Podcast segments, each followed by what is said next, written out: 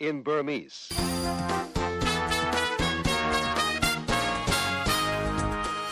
မင်္ဂလာနေ့နဲ့ခင်ပါရှင် VOA American အတန်ရဲ့2021ခုနှစ်အောက်တိုဘာလ9ရက်ကြာသပတေးနေ့နေ့နဲ့ခင်အစီအစဉ်ကို American ပြည်ထောင်စု Washington DC ကနေတိုက်ရိုက်တင်ဆက်နေပါပြီရှင်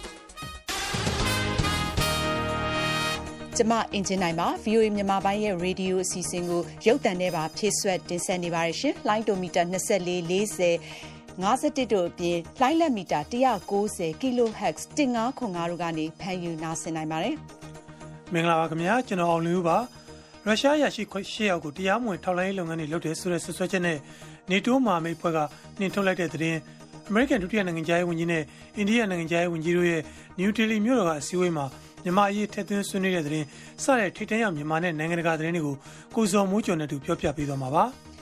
ကောင်းပါပြီရှင်။သတင်းစီစဉ်နောက်ပိုင်းမှာလည်း NUG အမျိုးသားညီညွတ်ရေးအစိုးရကိုအတိမတ်ပြုဖို့ပြင်သစ်အထက်လွှတ်တော်ကဆုံးဖြတ်လိုက်တဲ့အကြောင်းတင်ပြဖို့ရှိပါတယ်။အဲ့ဒီနောက်မှာတော့ American အောက်လွှတ်တော်ရဲ့မြန်မာပြည်ဆိုင်ရာဥပဒေကြမ်းအပေါ်တုံ့ပြန်ချက်တွေကိုတင်ဆက်တဲ့အခါ Federal Democratic Union ဆိုတဲ့အသုံးထုံးသုံးဖို့အခု bill မှာက democracy ဟော25ရာခိုင်နှုန်း ဟို military seat တဲ့လောက်ပဲဒါကတော့ Maryland အခြေစိုက် Chin Association အဖွဲ့ရဲ့ခေါင်းဆောင်က VOA ကိုပြောသွားတာပါနောက်ပိုင်းမှာအပြည့်အစုံနားဆင်ရဖို့ရှိပါတယ်တခါမြမအရေးအာဆီယံကင်တွယ်မဲ့အလားအလာသုံးသက်ချက်ကိုလည်းတင်ပြမှာပါနောက်ပိုင်းမှာတော့ဥကျော်ဇန္တာရဲ့မြမအရေးသုံးသက်ချက်အားကစားကဏ္ဍလူထုနဲ့ကျန်းမာရေးစတာတွေကိုတင်ဆက်မှာပါရှင်အခုတော့နောက်ဆုံးရမြန်မာနဲ့နိုင်ငံတကာသတင်းတွေကိုကိုအောင်လွေဦးနဲ့ကိုစော်မှုကျော်တို့ကတင်ဆက်မှာပါ မြောက်အတ္တလန်တိတ်စာချုပ်အဖွဲ့နေတိုးကိုဆေးလွတ်ထားတဲ့ ရုရှားအရာရှိ ၈ ယောက်ကို တရားမဝင် ထောက်လှမ်းရေး လုပ်ငန်းတွေ လုပ်ခဲ့တယ်ဆိုတဲ့ဆွဆွဲချက်နဲ့နေတိုးမာမိတ်ဖွဲ့က နှင်ထုတ်လိုက်ပါတယ်။ထောက်လှမ်းရေး အရာရှိတွေဖြစ် ထုတ်ဖော်ပြောဆိုမထားဘဲနေတိုးဖွဲ့မှာ တာဝန်ပေးထားတဲ့ ရုရှားအရာရှိ ၈ ယောက်ရဲ့အတိမတ်ပြု ခန့်အပ်လွှာတွေကို ပြန်လည်ရုပ်သိမ်းလိုက်ကြောင်း အမည်မဖော်လိုသူနေတိုးအရာရှိတယောက်က အတည်ပြု ပြောဆိုလိုက်တာပါ။ ဘယ်ဂျီနိုင်ငံဘရပ်ဆဲမြို့ခြေဆိုင်နေတိုးအဖွဲ့ကိုဆေလွတ်ခွင့်ပြုထားသူအရေးထွက်ကိုလည်းဒီလကုံကစ20ကနေ10ရောက်ထိရှော့ချသွားမယ်လို့ပြောပါတယ်ရုရှားဖွဲ့ဝင်တွေရဲ့ခန့်အပ်လွှာတွေကိုရုပ်သိမ်းဖို့ဆုံးဖြတ်ချက်နဲ့ပတ်သက်ပြီးနေတိုးကတော့လက်တလောရှင်းပြတာမရှိသေးပါဘူးအမည်မဖော်လို့သူနေတိုးရရှိကတော့ရုရှားနဲ့ပတ်သက်တဲ့နေတိုးရဲ့မူဝါဒတွေကတသက်မှတ်တမ်းရှိနေပြီးရုရှားရဲ့ရန်လိုတဲ့လုပ်ရက်တွေကိုခုခံကာကွယ်နိုင်အောင်ပြင်ဆင်ထားတဲ့တစ်ချိန်တည်းမှာပဲအတိတ်ပဲပြေးပွားတဲ့ဆွေးနွေးမှုတွေအတွက်လမ်းဖွင့်ထားတဲ့အကြောင်းလည်းပြောဆိုသွားခဲ့တာပါရုရှားအောက်လွှတ်တော်နိုင်ငံတကာရေးရာကော်မတီကြီးကလီယိုနက်စလက်စကီကတော့နေတိုးရဲ့လုပ်ရက်ကိုလက်တုံ့ပြန်မဲ့အကြောင်းရုရှားအင်တာဖက်စ်တင်ဌာနကဖော်ပြရမယ်ဘယ်လိုတုံ့ပြန်မယ်ဆိုတော့တော့တိတိကျကျပြောမထားပါဘူး2014ခုနှစ်မှာယူကရိန်းပိုင်ခရိုင်းမီးယားဒေသကိုရုရှားပိုင်ဖြစ်သွတ်သွင်းလိုက်ပြီးနောက်ပိုင်းနေတိုးမှာမိတ်ဖွဲ့နဲ့ရုရှားကြားမှာဆက်ဆံရေးတွေယိုယွန်းလာနေတာဖြစ်ပါတယ်ပြင်သစ်နိုင်ငံမှာရောက်ရှိနေတဲ့အမေရိကန်နိုင်ငံသားရေးဝန်ကြီး အန်တိုနီဘလင်ကလင်ဟာ သူ့ရဲ့ခရီးစဉ်နောက်ဆုံးနေ့အဖြစ် ဗုဒ္ဓဟူးနေ့မှာပဲ OECD စီးပွားရေးပူးပေါင်းဆောင်ရွက်ရေးနဲ့ဖွံ့ဖြိုးတိုးတက်ရေးအဖွဲ့ အစည်းအဝေးကို တက်ရောက်ပါတယ်။နိုင်ငံခြားရေးဝန်ကြီး ဘလင်ကလင်အနေနဲ့ ကမ္ဘာကြီးမှာရင်ဆိုင်နေရတဲ့ ကိုဗစ်ရောဂါကပ်ဆိုး၊ရာသီဥတုပြောင်းလဲမှုပြဿနာ၊ဤပညာအစင်းမြင့်တိုးတက်တဲ့ ကမ္ဘာကြီးမှာစီးမြင့်သတ်မှတ်ချက်တွေနဲ့ မညီမျှမှုတွေ စတဲ့ပြဿနာတွေနဲ့ ပတ်သက်ပြီး အင်္ဂါနေ့က အစည်းအဝေးဖွင့်ပွဲမှာ ထည့်သွင်းပြောဆိုခဲ့ပါတယ်။ OECD အသင်းကြီးရဲ့ အဓိကစီးမြင့်နေတဲ့ ဒီမိုကရေစီအခြေခံသဘောတရားတွေဟာအာဏာရှင်အစိုးရတွေရဲ့စိန်ခေါ်မှုကိုခံနေရပြီးဒီအာဏာရှင်အစိုးရတွေကသူတို့နိုင်ငံရဲ့ပုံစံနိုင်ငံရေးပုံစံတွေဟာပြည်သူတွေအတွက်ပိုအကျိုးရှိတယ်လို့လည်းညှင်းချက်ထုတ်နေကြတယ်လို့တိုင်းပြည်နာမည်တွေအတိအကျဖော်ပြခြင်းမရှိဘဲအာဏာရှင်နိုင်ငံတွေနဲ့ပတ်သက်လို့လည်းနိုင်ငံခြားရေးဝန်ကြီးကတည်င်းပြောကြားသွားခဲ့ပါတယ်။ဒါကြောင့် OECD အဖွဲ့ဝင်နိုင်ငံတွေအနေနဲ့ကိုယ့်ရဲ့ရည်တည်ချက်နဲ့ချင်းကပ်လှုပ်ဆောင်မှုတွေဟာ ပြည်သူတွေအတွက်ပိုမိုကောင်းမွန်တဲ့ဘဝတွေကိုရရှိစေနိုင်တယ်ဆိုတာသက်သေပြကြရမယ်လို့နိုင်ငံခြားရေးဝန်ကြီးဘလင်ကင်ကပြောဆိုခဲ့ပါတယ်။နိုင်ငံခြားရေးဝန်ကြီးခီးစဉ်ရဲ့ပထမပိုင်းဟာဩစတြေးလျနဲ့လုံခြုံရေးဆိုင်ရာမဟာမိတ်သဘောတူညီချက်ရင်ကုန်သင်းဘောကိစ္စတွေကြောင့်အဖူးအထစ်တွေဖြစ်နေတဲ့နှစ်နိုင်ငံဆက်ဆံရေးပြန်လည်ကောင်းမွန်လာဖို့ကြိုးပမ်းတဲ့အပိုင်းဖြစ်ပါတယ်။ပြင်သစ်သမ္မတမက်ခရွန်နဲ့လည်းတွေ့ဆုံခဲ့ပါတယ်။နှစ်နိုင်ငံပူးတွဲလှုပ်ဆောင်မဲ့လုပ်ငန်းတွေနဲ့ပတ်သက်လို့ဆွေးနွေးခဲ့ပါတယ်။ ဒီနိုင်ငံပူးတွဲလှုပ်ဆောင်မဲ့ကိစ္စတွေကိုဒီလပိုင်းအတွင်း အမေရိကန်သမ္မတဂျိုးဘိုင်ဒန်နဲ့ ပြင်သစ်သမ္မတမက်ခရွန်တို့တွေ့ဆုံတဲ့အခါမှာထုတ်ပြန်ကြေညာနိုင်ပါတယ်။ပြင်သစ်နိုင်ငံသားပြင်သစ်ခရီးစဉ်အပြီးအမေရိကန်နိုင်ငံသားရေးဝန်ကြီးအန်တိုနီဘလင်ကလင်ရဲ့တပတ်အကြာခရီးစဉ်နောက်ဆုံးအစီအစဉ်ဖြစ်မက္ကဆီကိုနိုင်ငံနဲ့နှစ်နိုင်ငံလုံခြုံရေးဆိုင်ရာအစည်းအဝေးတွေကိုကြာသပတေးနဲ့သောကြာနေ့တွေမှာတက်ရောက်မှာဖြစ်ပါတယ်ခင်ဗျာ။ အီရန်နိုင်ငံရဲ့နျူကလီးယားအစီအစဉ်နဲ့ပတ်သက်တဲ့နိုင်ငံတကာသဘောတူညီချက်ကိုပြန်အသက်သွင်းနိုင်မှုရုရှားနိုင်ငံခြားရေးဝန်ကြီးနဲ့ဆွေးနွေးခဲ့တဲ့အကြောင်းအမေရိကန်နိုင်ငံခြားရေးဝန်ကြီးအန်တိုနီဘလင်ကန်ကပြောလိုက်ပါတယ်။အီရန်နျူကလီးယားအရေးဟာအမေရိကန်နဲ့ရုရှားနှစ်နိုင်ငံစလုံးအတွက်စိုးရိမ်စရာကိစ္စဖြစ်တဲ့အကြောင်းလည်းပြောဆိုလိုက်ပါတယ်။ Uh, we had an opportunity uh, to uh, to compare notes uh, on where we stand and where we hope လက်ရှိဘယ်အခြေအနေမှာရောက်နေပြီးနောက်ထပ်ဘလောက်ထိဖြစ်လာဖို့မျှော်လင့်ထားတယ်ဆိုတာနဲ့ပတ်သက်လို့ရှင်းကြည့်နိုင်မယ့်အခွင့်အရေးရရှိခဲ့ပါတယ်လို့ပြည်သစ်နိုင်ငံပါရီမြို့တော်ကဗိုလ်ထူးနေသတင်းစာရှင်းလင်းပွဲမှာပြောဆိုလိုက်တာပါရုရှားနိုင်ငံခြားရေးဝန်ကြီးဆာဂေးလက်ဗရော့ကလည်းအီရန်နျူကလ িয়ার အရေးနိုင်ငံတကာသဘောတူညီချက်ပြန်အသက်သွင်းနေအောင်ဆွေးနွေးမှုတွေကိုအမြန်ဆုံးလုပ်သင့်တယ်လို့အမေရိကန်နိုင်ငံခြားရေးဝန်ကြီးနဲ့ဆွေးနွေးမှုအပြီးမှာပဲပြောဆိုလိုက်ပါတယ်အီရန်နျူကလ িয়ার အရေးနိုင်ငံတကာသဘောတူညီချက်အတိုင်းအမေရိကန်ကလိုက်နာဖို့အီရန်နိုင်ငံနဲ့ကုန်သွယ်ဘက်တွေအပေါ်ဥပဒေမဲ့ကန့်သက်တာတွေ ကိုရပ်တန့်မှုနိုင်ငံတကာအတိုင်းအဝိုင်းကလိုလားနေတယ်လို့လည်းရုရှားနိုင်ငံခြားရေးဝန်ကြီးကပြောဆိုခဲ့တာပါရုရှားနိုင်ငံခြားရေးဝန်ကြီးနဲ့မော်စကိုမှာတွေ့ဆုံခဲ့တဲ့အီရန်နိုင်ငံခြားရေးဝန်ကြီးကတော့နောက်ဆုံးအဆင့်ဆွေးနွေးတိုင်ပင်မှုတွေလုပ်နေပြီးဩစတြေးလျနိုင်ငံဗီယက်နာမြို့မှာညှိနှိုင်းမှုတွေမကြခင်ပြန်ဆမှာဖြစ်တဲ့အကြောင်းဗုဒ္ဓနေ့မှာပဲပြောဆိုထားပါတယ်အမေရိကန်အစိုးရအနေနဲ့အကျွေးမဆနိုင်တော့တဲ့အခြေအနေကိုရှောင်လွှဲဖို့အတွက်ချင်းငွေသတ်မှတ်ချက်တိုးမြင့်ပေးဖို့စီးနိတ်လွှတ်တော်မှာဒီမိုကရက်နဲ့ ရီပတ်ဘလစ်ကန်အမတ်တွေအကြားယာယီသဘောတူညီချက်ရယာယီသဘောတူညီချက်ရမယ့်အခြေအနေနီးကပ်လာပါတယ်။ဗုဒ္ဓဟူးနေ့မှာရီပတ်ဘလစ်ကန်အမတ်တွေကတောင်းဆိုထားတဲ့တပါတီတည်းမလုပ်ဘဲပါတီနှစ်ခုပူးပေါင်းလှုပ်ဆောင်မှုအဆိုကိုဒီမိုကရက်တွေဘက်ကလက်ခံကောင်းလက်ခံလိမ့်မယ်လို့ပြောဆိုလိုက်ပြီးတဲ့နောက်အခုလိုအခြေအနေထွက်ပေါ်လာတာဖြစ်ပါတယ်။အထက်လွှတ်တော်အ ਨੇ စုခေါင်းဆောင်ရီပတ်ဘလစ်ကန်အမတ် Mitch McConnell က ဒီပြဿနာကိုဖြေရှင်းဖို့နောက်ထပ်ချိန်ယူဖို့အစီအစဉ်လုပ်မယ်လို့ပြောဆိုပါတယ်။ Republican အနေနဲ့ဗဟိုအစိုးရရဲ့အကျွေးသတ်မှတ်ချက်ကိုဒီဇင်ဘာလအထိရွှေ့ဆိုင်းပေးမယ်လို့ကမ်းလှမ်းခဲ့ပါတယ်။ဒါပေမဲ့ Democrat ဘက်ကသူ့ရဲ့သဘောထားနဲ့ပတ်သက်ပြီး Democrat အထက်လွှတ်တော်ခေါင်းဆောင် Chuck Schumer ကတရားဝင်ကြေညာချက်မထုတ်ပြန်သေးတဲ့အတွက်ပါတီရဲ့တရားဝင်ရည်တည်ချက်ဟုတ်မဟုတ်မသိရသေးပါဘူး။သမ္မတအိမ်ဖြူတော်ကလည်းဒီသဘောထားရည်တည်ချက်ကိုလက်ခံရရှိခြင်းမရှိဘူးလို့ပြောဆိုထားပါတယ်။အောက်တိုဘာလ28ရက်နေ့မတိုင်မီအမေရိကန်လွှတ်တော်ကနေချင်းငွေသတ်မှတ်ချက်ကို28.4ထရီလီယံဒေါ်လာတန်ပေါင်း28.4သန်းအထိတိုးမြင့်မပေးပါကအမေရိကန်ဗန်နာရေးဝန်ကြီးဌာနအနေနဲ့အစိုးရရဲ့အသုံးစရိတ်တွေနဲ့ချင်းငွေတွေပေးချေစရာရှိတဲ့ငွေတွေကိုပေးချေနိုင်တော့မှာမဟုတ်ဘူးလို့ပြောဆိုထားပါတယ်။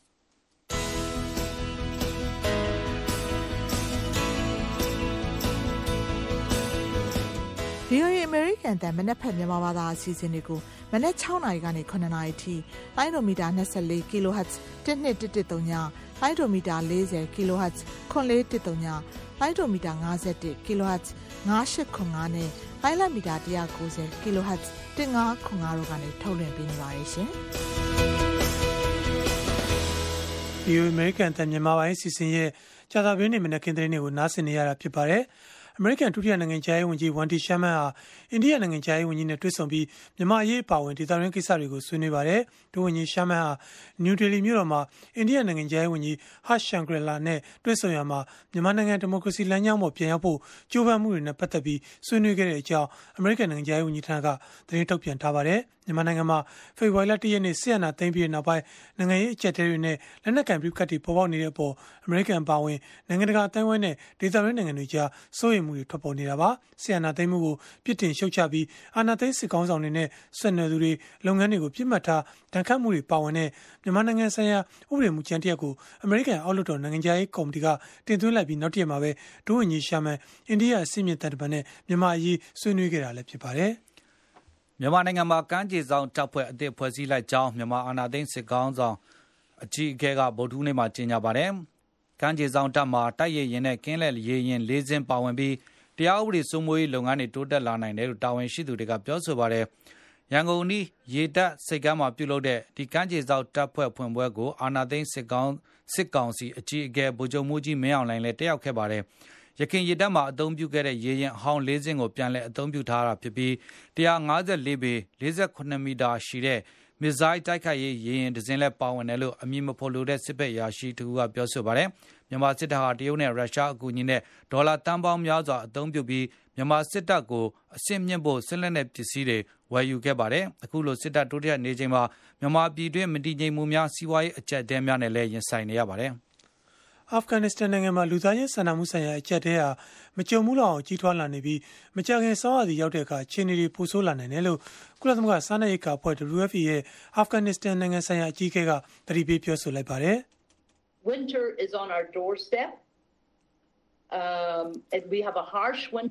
မကြခင်စောင်းဝင်တော့မှာပါအာဖဂန်နစ္စတန်နိုင်ငံရဲ့စောင်းရသည်ကကြမ်းတက်ပါတယ်လောင်စာဆီဈေးတက်လာနေချိန်မှာလူတွေကစားဖို့တောက်ဖို့နွနွထွေးထွေးနေနိုင်မှုရုန်းကန်နေရပါတယ်လို့ WFP ရဲ့အာဖဂန်နစ္စတန်နိုင်ငံဆိုင်ရာအကြီးအကဲ Mary Ellen McCarthy ကနယူးယောက်ကုလသမဂ္ဂရုံးချုပ်သတင်းစာရှင်းလင်းပွဲမှာအွန်လိုင်းကနေပြောဆိုသွားတာပါ။ဩဂုတ်လ15ရက်နေ့ကကဘူးမြို့တော်ကိုတာလီဘန်တွေမသိမ်းပိုက်ခင်ကတည်းကအာဖဂန်နစ္စတန်နိုင်ငံမှာနှစ်နဲ့ချီမိုးကောင်ရေရှားမှုတွေပြိပခတ်တွေအကျင့်ပြတ်ချစားမှုတွေနဲ့ကိုဗစ်ကပ်ရောဂါကြောင့်အကျက်တဲတွေနဲ့ရင်ဆိုင်နေရတာဖြစ်ပါတယ်။ကမ္ဘာပေါ်မှာပထမဆုံးငှက်ပြားကာကွယ်ဆေးကိုကမ္ဘာ့ကျန်းမာရေးအဖွဲ့ကြီး WHO ကဗုဒ္ဓနေ့မှာအတည်ပြုလိုက်ပါတယ်။ငှက်ပြားကာကွယ်ရေးထိုးဆေးအမည်က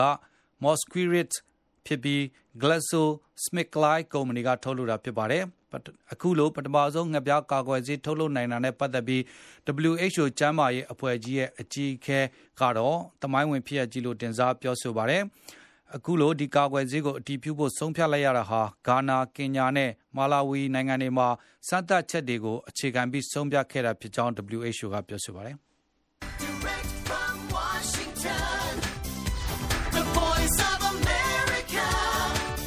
VOA ကိုအောင်လွင်ဦးနဲ့ကိုစော်မိုးကြပါရှင်။ကြာတာပတိနေ့နေ့နဲ့ခင်းသတင်းအစီအစဉ်ကိုတင်ဆက်ခဲ့တာပါ။ မကြာခင်မှာတော့ American အောက်လွှတ်တော်မှာ တင်သွင်းလိုက်တဲ့ မြန်မာပြည်ဆိုင်ရာ ဥပဒေကြမ်းနဲ့ ပတ်သက်လို့ ကြားဖို့ရှိပါတယ်။အခုတော့ ပြင်သစ်အထက်လွှတ်တော်က NUG ကိုအတိမတ်ပြုလိုက်တဲ့အကြောင်း အရင်ဆုံး ကြည့်ကြရအောင်ပါရှင်။အမျိုးသားညီညွတ်ရေးအစိုးရ NUG ကိုအတိမတ်ပြုရေး အဆိုတရက်ကို ပြင်သစ်အထက်လွှတ်တော်မှာ အင်္ဂါနေ့က ကန့်ကွက်မဲမရှိ တညီတညွတ်ထဲထောက်ခံ အတည်ပြုခဲ့ပါတယ်။ဥရောပသမဂ္ဂ EU ထဲက အင်အားကြီးနိုင်ငံတစ်ခုဖြစ်တဲ့ ပြင်သစ်ရဲ့ လွှတ်တော်တစ်ခုက အခုလို ဆုံးဖြတ်လိုက်တာဟာ အခြား EU နိုင်ငံတွေပေါ်မှာပါ အကျိုးသက်ရောက်မှု ရှိလာနိုင်တယ်လို့ ပြင်သစ်မှာရှိတဲ့ မြန်မာအရေးလှုပ်ရှားသူတချို့က မျှော်လင့်နေပါတယ်။ဒီအကြောင်း ကိုဉာဏ်ဝင်းအောင်က အပြည့်စုံ တင်ဆက်မှာပါရှင်။မြန်မာနိုင်ငံမှာ ဒီမိုကရေစီ ပြန်လည်ထွန်းကားရေးကို လိုလားတဲ့ ပြင်သစ်လွှတ်တော်အမတ်တစုက NUG အစိုးရကို ပြင်သစ်အနေနဲ့ တရားဝင် အသိမှတ်ပြုပေးဖို့ အထက်လွှတ်တော်မှာ အောက်တိုဘာ9ရက် အင်္ဂါနေ့က အဆိုတရက်တင်သွင်းခဲ့တာပါ။လွှတ်တော်အမတ်မစ္စတာပါစကယ်အလီဇာ ဦးဆောင်တင်သွင်းတဲ့အဲဒီအဆိုကိုအထက်လွှတ်တော်ကလက်ခံဆွေးနွေးမှာဖြစ်ကြောင်းလွှတ်တော်ဥက္ကဋ္ဌမစ္စတာပက်ထရစ်ဘိုရဲကပြင်သစ်ဘာသာစကားနဲ့ကြေညာသွားခဲ့ပါတယ်။ appelle l'examen de la proposition de résolution portant sur la nécessité de reconnaître le gouvernement d'unité nationale de Birmanie présenté en application de l'article 34-1 de la Constitution NUG အစိုးရကိုတရားဝင်အသိမှတ်ပြုရေးအဆိုကိုပြင်သစ်အထက်လွှတ်တော်မှာအင်္ဂါနေ့က ကန့်ကွက်မဲမရှိ ထောက်ခံအတည်ပြုလိုက်ကြပါတယ်။အဲ့ဒီအဆိုကို အောက်လွှတ်တော်မှာလည်း တင်သွင်းထားပြီး လာမယ့်ရက်ပိုင်းတွေအတွင်း မဲခွဲဆုံးဖြတ်သွားဖို့ ရှိတယ်လို့ ပြင်သစ်လွှတ်တော်တွေကို စောင့်ကြည့်လေ့လာနေတဲ့ မြန်မာအရေးလှုပ်ရှားသူ မဖူးဖူးက ပြောပါတယ်။အဆိုကပါလဲဆိုတော့ NUG ကိုအတိမတ်ပြုရေးပေါ့နော်။ကိုအထက်လွှတ်တော်မှာ ဆုံးဖြတ်သွားတယ်။မဲခွဲဆုံးဖြတ်တာသူအားလုံးက လက်ခံသဘောတူတယ်။ဒါပေမဲ့ တခုရှိတာကဒီပြင်သစ်အစိုးရဘက်က ကိုယ်စားလှယ်က ပြောတာကပေါ့နော် ဒီပြင်သစ်အစိုးရကပုံမှန်အားဖြင့်သူတို့ကအစိုးရကိုလက်မခံဘူးဒါပေမဲ့နိုင်ငံကိုတော့လက်ခံတယ်အဲ့လိုပဲပြောရတယ်ပေါ့နော်ဒီအဲ့လိုဆိုတော့အခုကဟိုလိုအောက်လွတ်တော်ကြံမယ်အောက်လွတ်တော်မှာဆက်လုပ်ကြမယ်ဒီအောက်လွတ်တော်မှာလည်းအဲ့ဒီအဆိုအတိုင်းပဲတင်သွင်းထားတာရှိတယ်အဲ့လိုဆိုတော့အဲ့ဒီရဲ့အောက်လွတ်တော်မှာသူတို့အမျိုးမေခွဲဆက်ဆုံးဖြတ်ပေါ့နော်ပြီးမှအဲ့ဒီမေခွဲဆုံးဖြတ်ပြီးမှတစ်ဆင့်အစိုးရကပြန်ပြီးတော့ဆုံးဖြတ်မှာအဲ့လိုရှိတယ်ပေါ့နော်အဲ့လိုမျိုးခုခုတော့သိရအောင်ပေါ့နော်အဲ့လိုမျိုး ပြင်သစ်လွှတ်တော်က ဆွေးနွေးဆုံးဖြတ်ပြီးရင်တော့ ပြင်သစ်အစိုးရအဖွဲ့တွင်ဆွေးနွေးပြီး NUG နဲ့ပတ်သက်တဲ့ သဘောထားကြေညာချက်တစ်စောင် ထွက်ပေါ်လာပွဲရှိနေပါတယ်။ဥရောပသမဂ္ဂ EU ထဲမှာ အင်အားကြီးနိုင်ငံဖြစ်တဲ့ ပြင်သစ်က သူ့ရဲ့အထက်လွှတ်တော်ကနေ NUG အစိုးရကိုအတိမတ်ပြုကြောင်း အခုလို ဆုံးဖြတ်ချက်ချလိုက်တာဟာ အခြား EU နိုင်ငံတွေအပေါ်မှာလည်း အကျိုးသက်ရောက်မှု ရှိလာနိုင်တယ်လို့ မြန်မာအရေးလှုပ်ရှားသူ မဖူးဖူးက သူ့အမြင်ကို ပြောပါတယ်။ ညီမရဲ့တူတဲ့အမြင်အရဆိုတော့ဒီဥရောပမှာဆိုရင်ပြင်သစ်ကနိုင်ငံကြီးပေါ့နော် G7 မှာလည်းပြင်သစ်ကပါတဲ့အတွက်ကြောင့်မို့အဲဒီဆုံးဖြတ်ချက်ကတော့အလိုပေါ့နော်လွမ်းမိုးမှုရှိနိုင်တယ်ဒီအထက်လွတ်တော်တင်မဟုတ်ပဲအောက်လွတ်တော်နှစ်ခုစလုံးပြီးသွားတဲ့အခါကျရင်အဖြစ်တကူညီမတို့သိရတဲ့အခါကျလို့ရှင်လဲဒါဟိုပြင်သစ်ကဒါဥရောပမှာပထမဆုံးနိုင်ငံဖြစ်သွားနိုင်တဲ့အတွက်ကြောင့်မို့ဟိုလွမ်းမိုးမှုတော့ရှိမှအသေးချာပဲလို့တော့ညီမတော့ယုံကြည်ထားတယ် ပြပြင်သစ်နိုင်ငံကသူတို့ကဒီမိုကရေစီကိုအရန်တန်ဖိုးထားမှန်းသိတာပေါ့နော်အဲကြောင့်မို့သူတို့ဒီလွတ်တော်အမတ်တွေဆိုလဲသူတို့ကအကလုံးတတန်နဲ့ထွက်ကြတယ်လို့ဆရာနာသိမ်းမှုကိုလုံးဝလက်မခံဘူးစစ်ကောင်စီကိုလည်းလုံးဝလက်မခံဘူးမြန်မာပြည်ဒီမိုကရေစီလမ်းကြောင်းပေါ်ပြန်ရောက်ဖို့သူတို့အင်တိုက်အားတိုက်အဲ့လိုတွေအကောင်လုံးကတတန်တဲ့အဲ့လိုပြောတော့ဘယ်လိုပေါ့နော်အရန်အားတက်တယ်ပေါ့မြန်မာစစ်တပ်ရဲ့အကျိုးစီးပွားကိုပြစ်မှတ်ထားပြီးဥရောပသမဂ္ဂ EU ကတပေါင်းတစည်းတဲ့ပြည်တံခတ်အရေးယူမှုချမှတ်သွားမယ်လို့ ပြင်သစ်နိုင်ငံသားရေးဝန်ကြီး Yoniv Le Drian ကလည်း ပြီးခဲ့တဲ့ လပိုင်းတွေက ပြောဆိုထားပါတယ် မြန်မာနိုင်ငံမှာယင်းနှိမ့်ညွန့်နှံမှု လုပ်ထားတဲ့ ပြင်သစ်ပိုင် Total ကုမ္ပဏီကနေ အာဏာသိမ်း စစ်ကောင်စီကို အခွန်ဘန္တာငွေ အမြောက်အများ ဆက်လက် ပေးဆောင်နေတာက ထောက်ပံ့မှုပေးသလို ဖြစ်နေတာကြောင့် ဒီမိုကရေစီရေးကို လိုလားတဲ့ ပြင်သစ်အနေနဲ့ ပြန်လည်သုံးသပ်ပေးဖို့ CRPH ကိုလွှတ်တော်ကုစားပြုကော်မတီက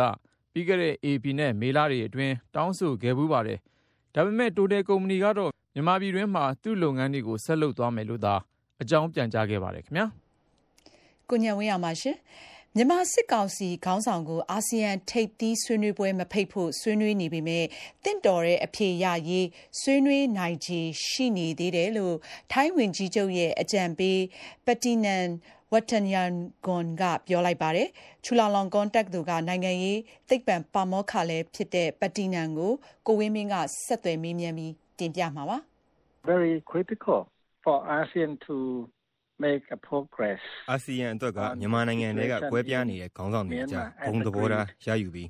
အရင်အာဆီယံနိုင်ငံအလုံးသဘောတူထားခဲ့တဲ့အချက်၅ချက်အပေါ်နိုင်ငံတွေတိုးတက်မှုရအောင်လုပ်ဖို့ကအထူးအရေးပါပါတယ်။ဒါကအာဆီယံထိပ်သီးအစည်းအဝေးအတွက်အလွန်ကိုအရေးကြီးပါတယ်။ဒီအာဆီယံအဖွဲ့ဝင်အားလုံးသဘောတူထားတဲ့အချက်၅ချက်ကိုတိုးတက်အောင်လှုပ်ဆောင်ဖို့နှိကွေးလာခဲ့တာက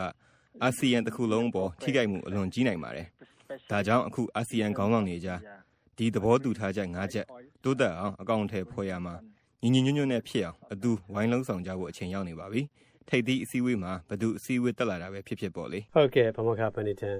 အဲ့ဒီတော့အာဆီယံမှာဘယ်လိုမျိုးဝိုင်းလုပ်ပေးတာဖြစ်လာနိုင်ပါလဲ။ Well there's still time to uh, consult to exchange negotiate between အချိန်တော့ရှိနေပါသေးတယ်။အာဆီယံညီညွတ်မှုကိုမထိခိုက်အောင်အာဆီယံထိပ်ပန်းခေါင်းဆောင်တွေအကြား တိုင်ပင်ဖလှယ်ညှိနှိုင်းကြဖို့ပေါ့လေ။အာဆီယံညီညွတ်ရေးကိုထိခိုက်မှုနည်းစေနိုင်မဲ့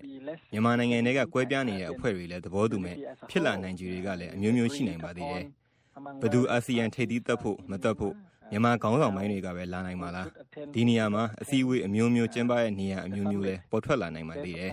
အရင်တုန်းကလည်းအလားတူဖြစ်ခဲ့တာတွေရှိခဲ့ပါတယ်အာဆီယံနိုင်ငံခေါင်းဆောင်တွေမတက်နိုင်ခဲ့ရင်သူ့ကိုယ်စားလှယ်ဘယ်သူတက်မလဲ နောက်ဆုံးမှာအဓိကကတော့အနာဂတ်မှာအာဆီယံတစ်ဖွဲ့လုံးရဲ့ညီညွတ်မှုနဲ့ထိရောက်မှုမထိခိုက်ဖို့အလေးထားလှုပ်သွားကြဖို့ရှိပါလိမ့်မယ်ဟုတ်ကဲ့အဲ့ဒီတော့မြန်မာဘက်ကရောဘယ်လိုမျိုးဒီတုံ့ပြန်ပြီးတော့ဝိုင်းလုပ်ပေးတာမျိုးဖြစ်လာနိုင်ဖို့ရှိမယ်လို့သုံးသပ်မိပါလဲပမခပဏိထန် I think the different parties in Myanmar are quite concerned about the, the instability မြန်မာနိုင်ငံတွေကအဖွဲ့တွေအသီးသီးအနေနဲ့နိုင်ငံနဲ့မတည်ငြိမ်မှုတွေအပေါ် စိုးရိမ်မှုတွေကြီးနေတယ်လို့ထင်ပါတယ်။နောက်သူတို့အနေနဲ့နိုင်ငံတကာအစည်းအဝေးတွေမှာအသီးသီးကိုစားပြုကျင်ကြပါတယ်။သူတို့ပြောတာတွေကိုနားထောင်ပေးစေချင်ပါတယ်။အာဆီယံအနေနဲ့ဒီအဖွဲ့တွေအားလုံးပြောခွင့်ရဖို့ထိရောက်တဲ့ပြောဆိုနိုင်မယ့်နေရာတွေဖန်တီးဖို့အထူးအရေးကြီးလာနေပါတယ်။ဒီအဖွဲ့တွေအတွက်အာဆီယံကနေတဆင့်ကဘာကြီးကိုလမ်းကြောင်းတစ်ခုဖွင့်ပေးနိုင်ဖို့ပေါ့လေ။လာမယ့်အာဆီယံထိပ်သီးပွဲမှာအစီအစဉ်ရှိရှိအခုလိုလုပ်ပေးနိုင်ရင်တော့ မြန်မာပြည်သူတွေကြောက်ရောက်နေတဲ့အခက်အခဲတွေရောကြလာစေနိုင်ပါတယ်ဟုတ်ကဲ့ပမခပနေတယ်အဲ့ဒီအတွက်ရောဒီအာဆီယံခေါင်းဆောင်တွေပေါ်ဘယ်လိုမျှော်လင့်နိုင်ပါလဲ I think uh, quite certainly that uh, on this issue အာဆီယံအဖွဲ့ဝင်နိုင်ငံအသီးတွေကခေါင်းဆောင်တွေအနေနဲ့လည်းဒီကိစ္စအပေါ်မှာမြန်မာပြည်သူတွေဘက်ကကြည့်ပေးမယ်ဆိုရင်အလားတူစဉ်းစားနိုင်မှာအတော့ကိုတေချာလောက်ရှိနေပဲလို့ထင်ပါတယ်မြန်မာပြည်သူတွေအနေနဲ့ဒီရှေ့မတိုးနောက်မဆုတ်တာအကြက်အသေးကြီးတဲ့ကနေနောက်ထပ်ဖိအားတွေပိုဆိုးလာမှုတွေဇက်မကြုံရတော့ပဲ လွတ်မြောက်နိုင်ရေးအာဆီယံနိုင်ငံတွေကဝိုင်းကူပေးဖို့မျှော်လင့်အားကိုးစေပါဒီမျှော်လင့်ချက်ကလည်းအတော့မြင်မာလာနေရလို့ထင်ပါတယ်ဟုတ်ကဲ့အဲ့ဒီတော့မကြာခင်ရှေ့မှာဖြစ်လာနိုင်ခြေအတွက်ရောဘယ်လိုသုံးသပ်ထားပါလဲဖမခပဏိချန် Well I think uh, we still have time uh, although ကျွန်တော်တို့အနေနဲ့ဒီလာကုန်မတိုင်ခင်ကာလအတွင်းမြန်မာပြည်ကအဖွဲ့အသီးသီးနဲ့တွဲလုပ်နိုင်မှုဘုံနီးလန်းတစ်တစ်ခုခုမျိုးပေါ်လာရေးအတွက်ပြင်ဆင်နိုင်မှုအချိန်ရှိနေသေးတယ်လို့ထင်ပါတယ်အထူးသဖြင့်နိုင်ငံတော်စီမံအုပ်ချုပ်မှုကောင်စီအနေနဲ့တော့ မကြခင်အဆုံးသက်အဆုံးဖြတ်ပေးရမှာပေါ့လေဒါမှဒါအာဆီယံထိပ်သီးပွဲမှာမြန်မာအနေနဲ့တနည်းတစ်ဖုံကိုစားပြုမှုရှိနေမှာလေဟုတ်ကဲ့ကျေးဇူးအများကြီးတင်ပါတယ်ဗမခပဏိထခင်ဗျာကိုဝင်းမင်းပါရှင်အခုတော့ American အောက်လွှတ်တော်မှာအင်္ဂါနေ့ကပါတီနှစ်ရပ်လုံးထောက်ခံတဲ့ Burma Bill မြန်မာပြည်ဆိုင်ရာဥပဒေကြမ်းတင်သွင်းလိုက်တဲ့အခြေအနေကိုကြည့်ကြရအောင်ပါရှင် Burma Unified through rigorous military accountability Act of 2021လို့အမည်ပေးထားပြီးအောက်လွှတ်တော်နိုင်ငံသားရေးရာကော်မတီကအင်္ဂါနေ့ကတင်သွင်းလိုက်တဲ့ဥပဒေကြမ်းကိုကြိုဆိုရတဲ့အကြောင်းရင်းတွေထဲမှာစစ်အာဏာသိမ်းပြီးတဲ့နောက်နိုင်ငံရေးအကျက်အတဲတွေပေါ်ပေါက်နေတဲ့မြန်မာနိုင်ငံနဲ့ပတ်သက်လို့အရေးယူဆောင်ရွက်မဲ့အချက်တွေရေပုံရပါဝင်တာတွေ့ရတယ်လို့ Washington DC အခြေစိုက် Campaign for a New Myanmar အဖွဲ့အကြံပေး Mike Hutt က VOA ကိုပြောပါတယ်။ဒါအပြင်မြန်မာနိုင်ငံနဲ့ပတ်သက်လို့အစင်းမြင့်မူဝါဒရေးရာညှိနှိုင်းရေးမှုထားရှိဖို့ရခိုင်ပြည်နယ်မြောက်ပိုင်းမှာမြန်မာစစ်တပ်ကရိုဟင်ဂျာတွေအပေါ်အင်အားသုံးဖိနှိပ်ခဲ့တဲ့လုပ်ရပ်ဟာလူမျိုးတုံးတပ်ဖြတ်မှုဖြစ်တယ်ဆိုတာကိုအမေရိကန်နိုင်ငံသားရေးဝင်ကြီးဌာနအနေနဲ့သတ်မှတ်ပြဋ္ဌာန်းဖို့တောင်းဆိုထားတဲ့အချက်တွေလည်းဒီဥပဒေကြမ်းထဲမှာပါဝင်ကြောင်း Mike Hack ကအခုလိုပြောပါတယ် In general, the things that we like about it are it has a ရေဘူးအားအပြင်ဒီမူကြမ်းနဲ့ပတ်သက်လို့ကျွန်တော်တို့သဘောကျတဲ့အချက်တွေကတော့ လူသားချင်းစာနာထောက်ထားမှုဆိုင်ရာအကူအညီတွေကို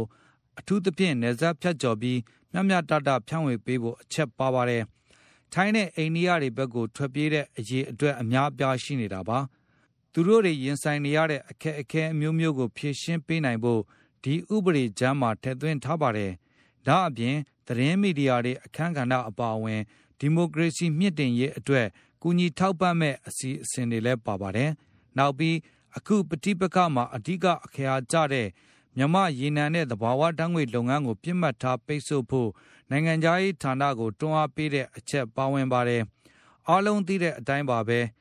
အရန်နိုင်ငံခြားငွေမရှိတဲ့အတွက်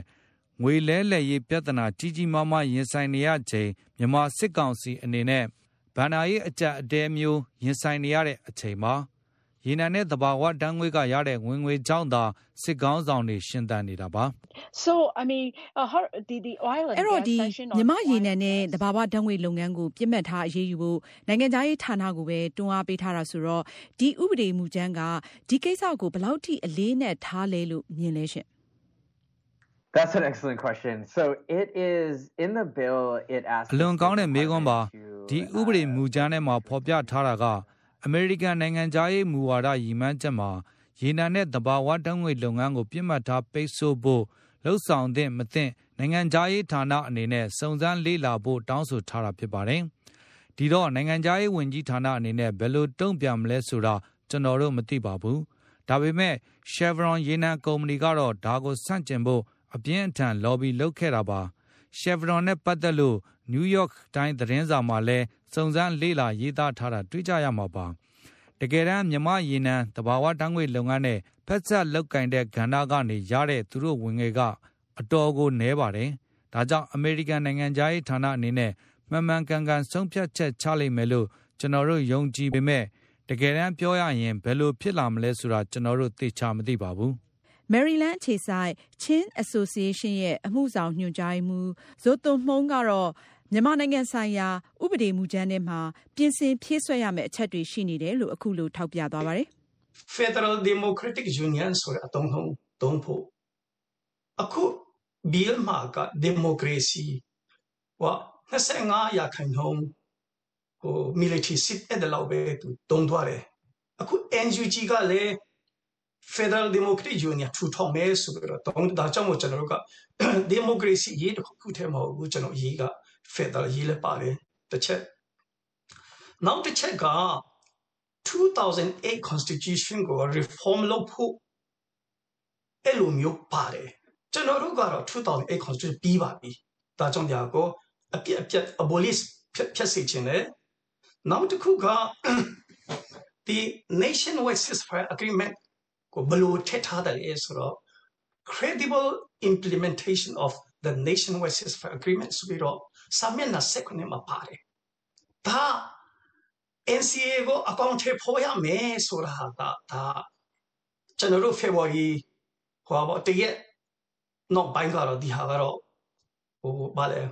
ဟိုဆက်ဆံမှုမရှိတော့ဘူးဒီဟာကအဲ့လိုပဲကျွန်တော်တို့သုံးသပ်တယ်ဒီ humanitarian assistance နဲ့ပတ်သက်ပြီးတော့လူသားချင်းစာနာထောက်ပံ့မှုကိစ္စနဲ့ပတ်သက်ပြီးတော့အတိတ်ကခက်ခဲဆုံးဘယ်နေရာလဲကရား ပြည်နယ်ပဲတခြားပြည်နယ်လည်းရှိပါဒါပေမဲ့ဒါကြောင့်ကျွန်တော်ကြရပြည်နယ်နဲ့မွန်ပြည်နယ်ကိုကျွန်တော်ပါစေချင်တယ်ဆိုတော့အဓိက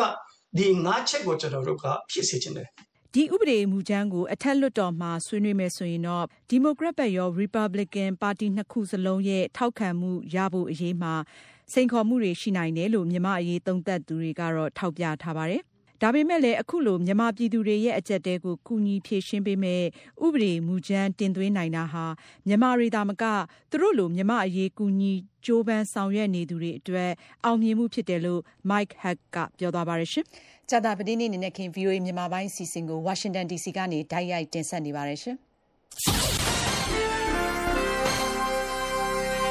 အမေရိကန်အစိုးရရဲ့ သဘောထားအမြင်အာဘော်ကို တင်ပြပါတော့မယ်ရှင်။ The Quad လို့ခေါ်တဲ့တန်တမန်ရေးမိတ်ဖက်၄နိုင်ငံကခေါင်းဆောင်တွေဟာမကြသေးခင်ကပထမဆုံးအကြိမ်လူကိုယ်တိုင်တွေ့ဆုံခဲ့ကြပါတယ်။ American သမ္မတ Joe Biden, အိန္ဒိယဝန်ကြီးချုပ် Narendra Modi, Australia ဝန်ကြီးချုပ် Scott Morrison နဲ့ဂျပန်ဝန်ကြီးချုပ် Yoshida Suga တို့ဟာစက်တင်ဘာ24ရက်နေ့ကအိမ်ဖြူတော်မှာတွေ့ဆုံခဲ့ကြတာပါ။လွတ်လပ်ပွင့်လင်းတဲ့ Indo-Pacific ဒေသမှာလုံခြုံရေးနဲ့တာယာဝပြောဖို့အတွက် မိဖက်ပေါင်းစည်းမှုဟာအခြေခံကြောရိုးအဖြစ်အားလုံးပါဝင်မှုနဲ့ကြံ့ကြံ့ခိုင်နိုင်စွမ်းရှိစေရေးအတွက်ခေါင်းဆောင်၄ဦးကိုယ်တိုင်တန်တိတ်ထန်ချမှတ်ထားကြတယ်လို့ပူးတွဲကြေညာချက်မှာဖော်ပြထားပါတယ်။ခွတ်လေးပွင့်ဆိုင်အဖွဲ့ဟာ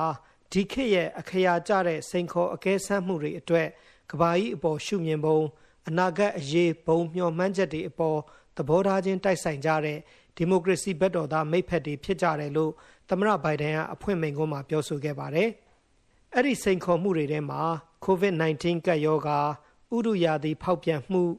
ဤပညာထွန်းကားတိုးတက်လာမှုနဲ့အခြေခံအဆောက်အုံပြဿနာတွေလည်းပါဝင်ပါတယ်။တမိုင်းတွင်မဲ့ COVID-19 ကပ်ရောဂါတိုက်ဖျက်ရေးနဲ့ပတ်သက်လို့မတ်လာတုန်းကခေါင်းဆောင်၄ဦးအွန်လိုင်းကနေဆွေးနွေးခဲ့ပြီးနောက်ပိုင်းတိုးတက်မှုတွေရှိခဲ့တာကိုသဘောတူညီကြပါတယ်။2022ခုနှစ်ကုန်ကြရင် ကဘာတဝမ်းကိုဗစ်ကာကွယ်ဆေးအလုံးရေ1.2ဘီလီယံလှူဒန်းမဲ့ရည်မှန်းချက်ပြည့်မီဖို့လမ်းကြောင်းမှန်ပေါ်ရောက်နေပြီလို့ဆိုပါတယ်။ဒီကနေ့အထိဒီလေးနိုင်ငံကနေအင်ဒိုပစိဖိတ်ဒေသနိုင်ငံတွေအတွက်ထိရောက်စိတ်ချပြီးအရေးအသွေးပြည့်မီတဲ့ကိုဗစ်ကာကွယ်ဆေးအလုံးရေ89သန်းဖြန့်ဝေပြီးဖြစ်ပါတယ်။ဥဒုရာသီဖောက်ပြန်မှုပြဿနာကိုလည်းအတူပူးတွဲကင်တွယ်နေကြတာမှာ Paris သဘောတူညီမှုအရစက်မှုခင်မတိုင်ခင်အပူချိန်ထက် 1.5ဒီဂရီ Celsius အထိကန့်သက်ပြီးထိန်းထားနိုင်ဖို့ကြိုးစားနေကြပါတယ်။ Quad အဖွဲ့ဝင်၄နိုင်ငံရဲ့နောက်ထပ်အားထုတ်မှုတွေထဲမှာနိုင်ငံတော်ဝန်ကန္တာအလိုက်ကာဗွန်ဒိုင်အောက်ဆိုက်ဓာတ်ငွေ့ဆွန့်ထုတ်မှုပမာဏတင့်တင့်စွာလျှော့ချရေးလည်းပါဝင်ပါတယ်။ဒါအပြင်တန့်စင်တဲ့ဟိုက်ဒရိုဂျင်နည်းပညာအသုံးပြုဖို့တာဝန်သိတဲ့ကြန့်ခိုင်တဲ့တန့်စင်စွမ်းအင်ဖြန့်ဖြူးရေးစတဲ့ကဏ္ဍတွေမှာပူးပေါင်းဆောင်ရွက်ကြဖို့ဖြစ်ပါတယ်။မွေးရပါလူအခွင့်အရေးလေးစားလိုက်နာမှုနဲ့အညီ ဤပညာတွေကိုပုံဖော်တီထွင်နိုင်ကြဖို့တေချာအောင်ဒီလေးနိုင်ငံအနေနဲ့ဤပညာထွန်းကားလာမှုနဲ့ပတ်သက်ပြီးပူးပေါင်းဆောင်ရွက်နေကြပါတယ်။ဥပမာ 5G အင်တာနက်ဆက်သွယ်ရေးပွင့်လင်းမြင်သာမှုစိတ်ချလုံခြုံမှုစတဲ့ဤပညာနယ်ပယ်တိုးတက်အောင် 5G ဆက်သွယ်ရေးကွန်ရက်အပြင်ခန္ဓာရည်ရှိမှု မတူကွဲပြားမှုနဲ့တည်ယူပို့ဆောင်ဖြန့်ဖြူးရေးတွေအတွက်တန်ဋိဌာန်ချအတိအမှတ်ပြုကြသလိုပွင့်လင်းမြင်သာပြီးဈေးကွက်အဆင်ပြေမဲ့မူဝါဒတွေနဲ့ လှုပ်ထုံးလုံနည်းတွေကိုအစိုးရတွေကပံ့ပိုးဖို့အရေးကြီးကြောင်းသူတို့ရဲ့ပူးတွဲကြေညာချက်မှာဖော်ပြထားပါတယ်။ဒေတာတွင်အခွင့်အလမ်းတွေအတွက်ဆက်သွယ်ညှိနှိုင်းဖို့နဲ့ဒေတာရဲ့အခြေခံအဆောက်အဦလိုအပ်ချက်မြေပုံသတ်မှတ်ရေးစတာတွေအတွက်လေးပွင့်ဆိုင်အခြေခံအဆောက်အဦမိဖက်အသစ်တရက်ကိုလည်းခေါင်းဆောင်လေးဦးကကြေညာလိုက်ပါတယ်။ပူးပေါင်းဆောင်ရွက်မှုတမိုင်းအစဉ်အလာရှိကြတဲ့အဓိကဒီမိုကရေစီလေးနိုင်ငံဟာစိန်ခေါ်အကဲဆန်းမှုတွေကိုရင်ဆိုင်ဖို့ ဘယ်အရာကိုမဆိုဘလို့အကောင့်ထဲပေါ်ဆောင်ရွက်ရမယ်ဆိုတာကိုကျွန်တော်တို့သဘောပေါက်ကြပါတယ်လို့သမရဘိုင်ဒန်ကပြောဆိုလိုက်ကြောင်းပါခင်ဗျာအမေရိကန်အစိုးရရဲ့သဘောထားအမြင်အာဘော်ကိုတင်ဆက်လို့ပြီးပါရရှင်။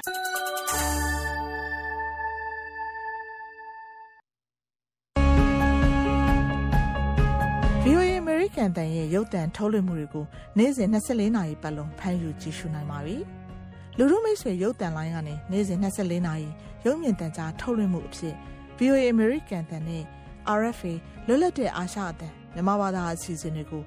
American ပြည်အောင်စု Washington မြို့တော်ကနေအချိန်ပြည့်ထုတ်လွှင့်တင်ဆက်ပေးနေတာပါမြန်မာနိုင်ငံရဲ့နောက်ဆုံးရသတင်းတွေအပြင်အာရှဒေသနဲ့ကမ္ဘာတစ်လွှားကအချိန်နဲ့မျှဖြစ်ထွန်းမှုသတင်းမှန်တွေအပတ်စဉ်ကဏ္ဍတွေနဲ့နိုင်ငံရေးစကားဝိုင်းအစီအစဉ်တွဲဆုံမေးမြန်းခန်းတို့ကိုကြည့်ရှုကြရမှာပါ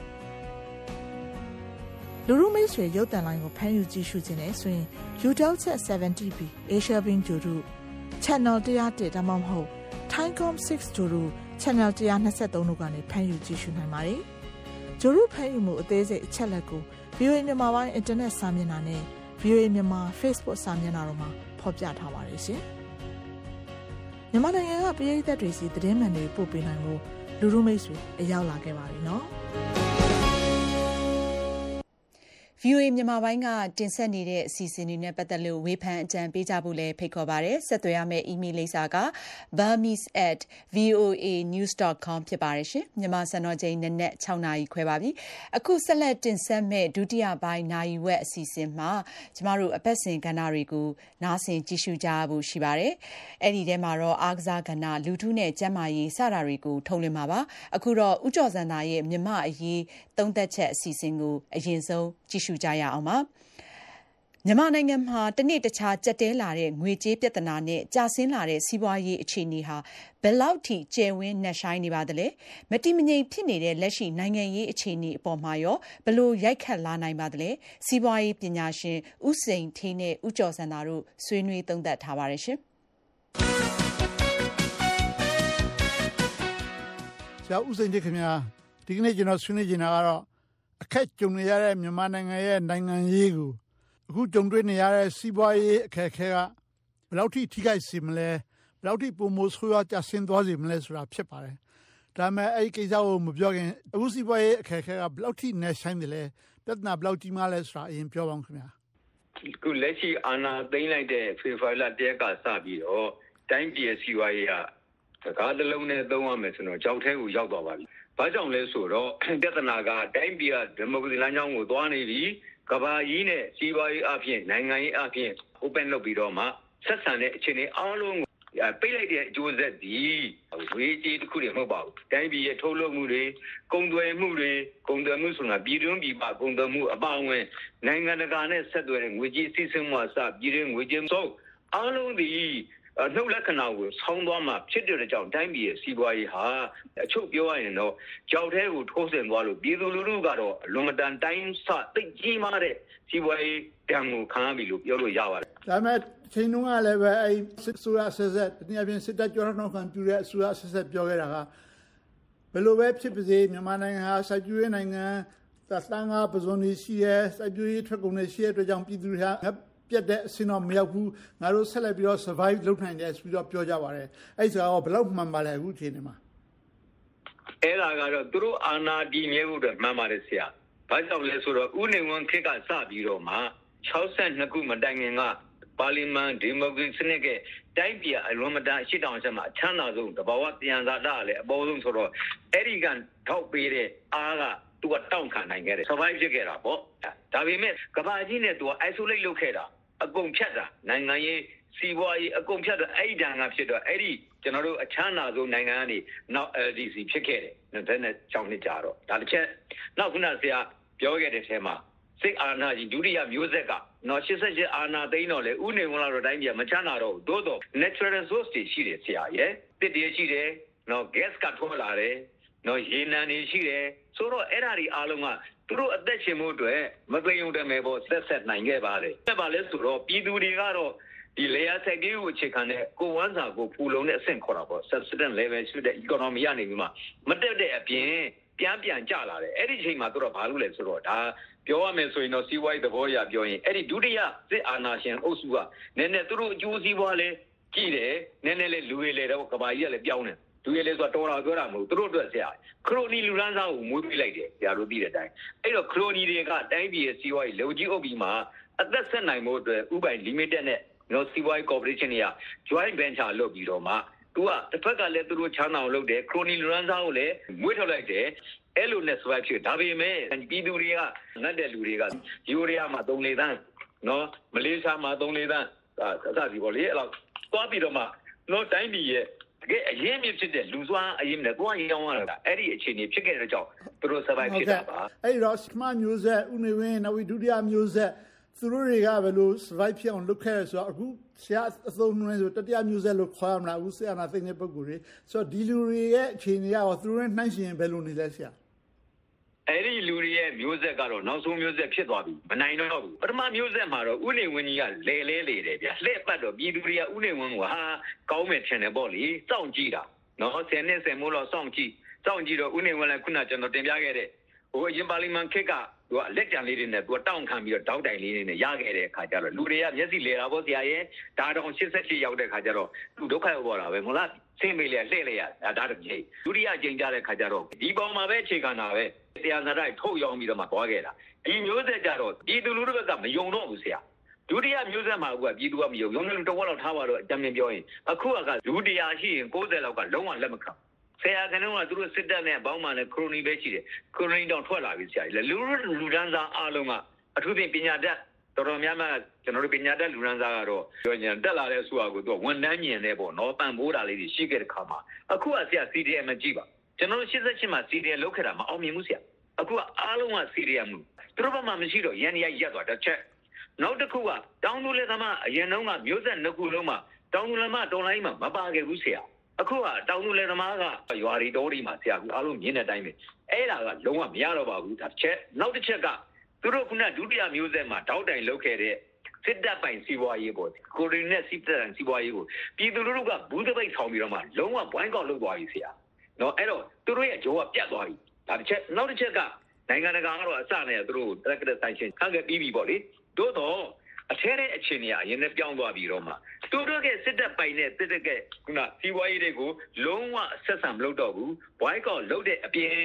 အဲ့ဒီအစိုးရရန်ရကြီးကိုလက်ပတ်နိုင်အောင်ဘတ်ဂျက်ပေါ်ဆရာရဲ့အကြံဉာဏ်ပြောရင်တော့ငွေကြေးငွေကြေးရနိုင်တဲ့နီးလန်းတွေကသူတို့မှမရတော့ဘူးဆရာဒီရှစ်လတော့မှသိသိတာတယ် revenue ပေါ့ သူတို့ဝင်ငွေဟာအကွန်ကောက်ကရတာအကုန်လုံးပြတ်သွားတဲ့ခါမှာသူတို့ကတော့လုံးဝအရင်မျိုးသက်လူကိုတောင်းခံနိုင်မဲ့လမ်းမရှိတော့ပါဘူးဆရာဟုတ်ကဲ့ဆိုတော့ဒီလိုစီးပွားရေးစရုပ်ကြာရှင်းလာမှုဟာအခုလောလောဆယ်နိုင်ငံရေးကိုဘယ်လောက်ထိရိုက်ခတ်နိုင်ပါလဲပြည်တွင်းနိုင်ငံရေးကိုဒါပြည်ပဖိအားတွေတွေဖယ်ထားလိုက်ပါလေအဲ့မြန်မာနိုင်ငံမှာစာဝန်ကြီးအခက်ခဲ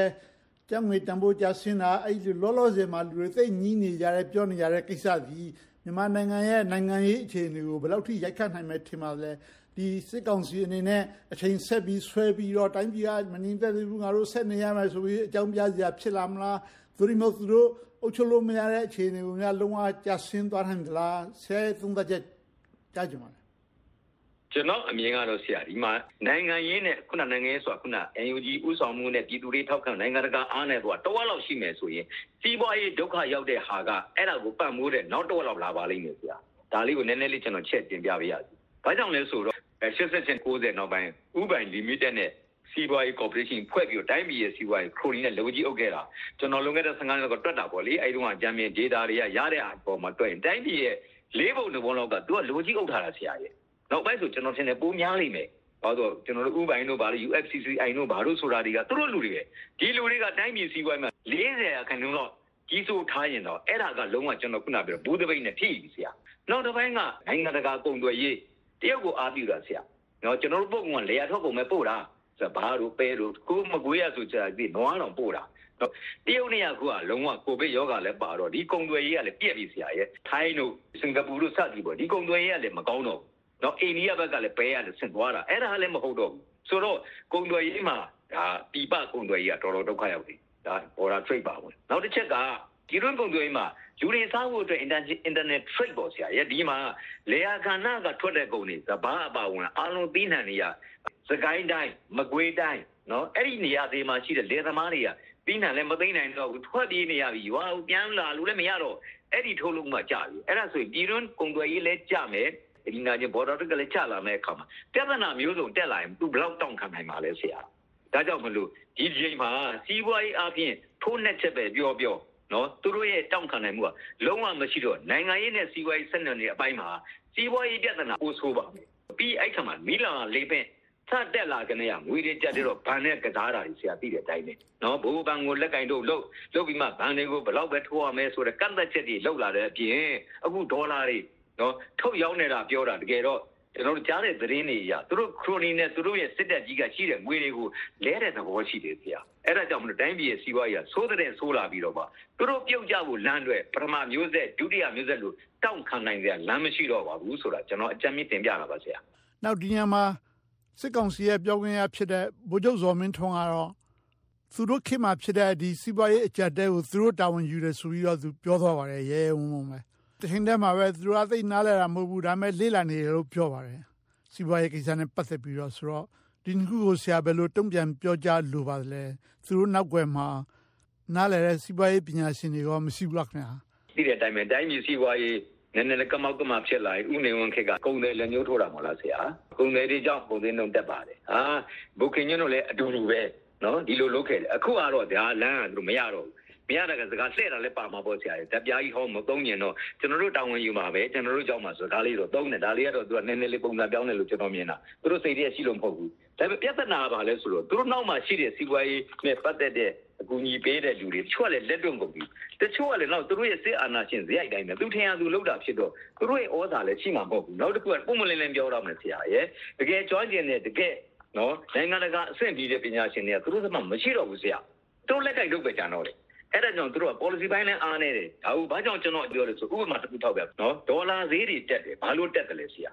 ဒေါ်လာဈေးတက်တဲ့အခြေခံအကြောင်းရင်းကသူတို့ကဘဏ်တွေကိုသွားပြီးတော့ intervene လုပ်တာဘဏ်ကိုသွားငွေရကျက်လာတဲ့ခါကျတော့လောက်ပဲထိုးဒါတွေမထုတ်ရဆိုတော့အဲ့လိုဆိုရင် तू ကဘိုးဘဏ်ကိုရောက်ဆော့ဖက်ခိုင်းတာအဲ့ဒါကူက तू ဘာနေပညာရှင်ရဲ့အခန်းကဏ္ဍမရှိတော့ဘူးဘာကြောင့်လဲဆိုတော့ဘိုးဘဏ်တောင်းရဲ့တိုင်းပြည်ရဲ့စီးပွားရေးကို stable ဖြစ်အောင်ခိုင်းရတာဆရာ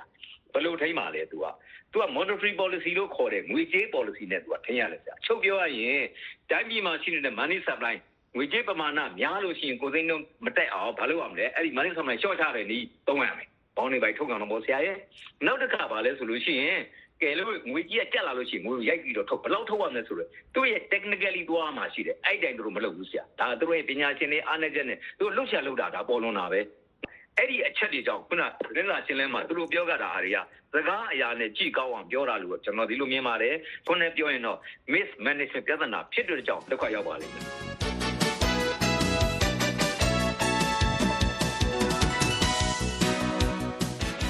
စီးပွားရေးပညာရှင်ဦးစိန်ထေးနဲ့ဆက်သွယ်မေးမြန်းထားတဲ့ဦးကျော်စံသာရဲ့မြမရေးသုံးသက်ချက်အစီအစဉ်ပါရှင်အခုဆက်လက်ပြီးတော့လူထုနဲ့ကျန်းမာရေးကိုကြည့်ရှုနားဆင်ကြရအောင်ပါ ကိုဗစ်ကူးစက်မှုကာကွယ်ရေးနည်းလမ်းတွေထဲမှာကာကွယ်ဆေးထိုးနှံပေးခြင်းဟာအရေးပါတဲ့ကြိုတင်ကာကွယ်ရေးနည်းလမ်းတစ်ခုဖြစ်ပြီးတော့လက်တလောမှာကမ္ဘာ့ကျန်းမာရေးအဖွဲ့ကြီး WHO ကအရေးပေါ်အသုံးပြုဖို့ထောက်ခံချက်ပေးထားတဲ့ကာကွယ်ဆေးအမျိုးအစားပေါင်း6မျိုးထိရှိနေပြီဖြစ်တယ်လို့ဒေါက်တာတန့်စောကနေပြီးတော့ဒီအစီအစဉ်မှာဆွေးနွေးတင်ပြထားပါတယ်ရှင်။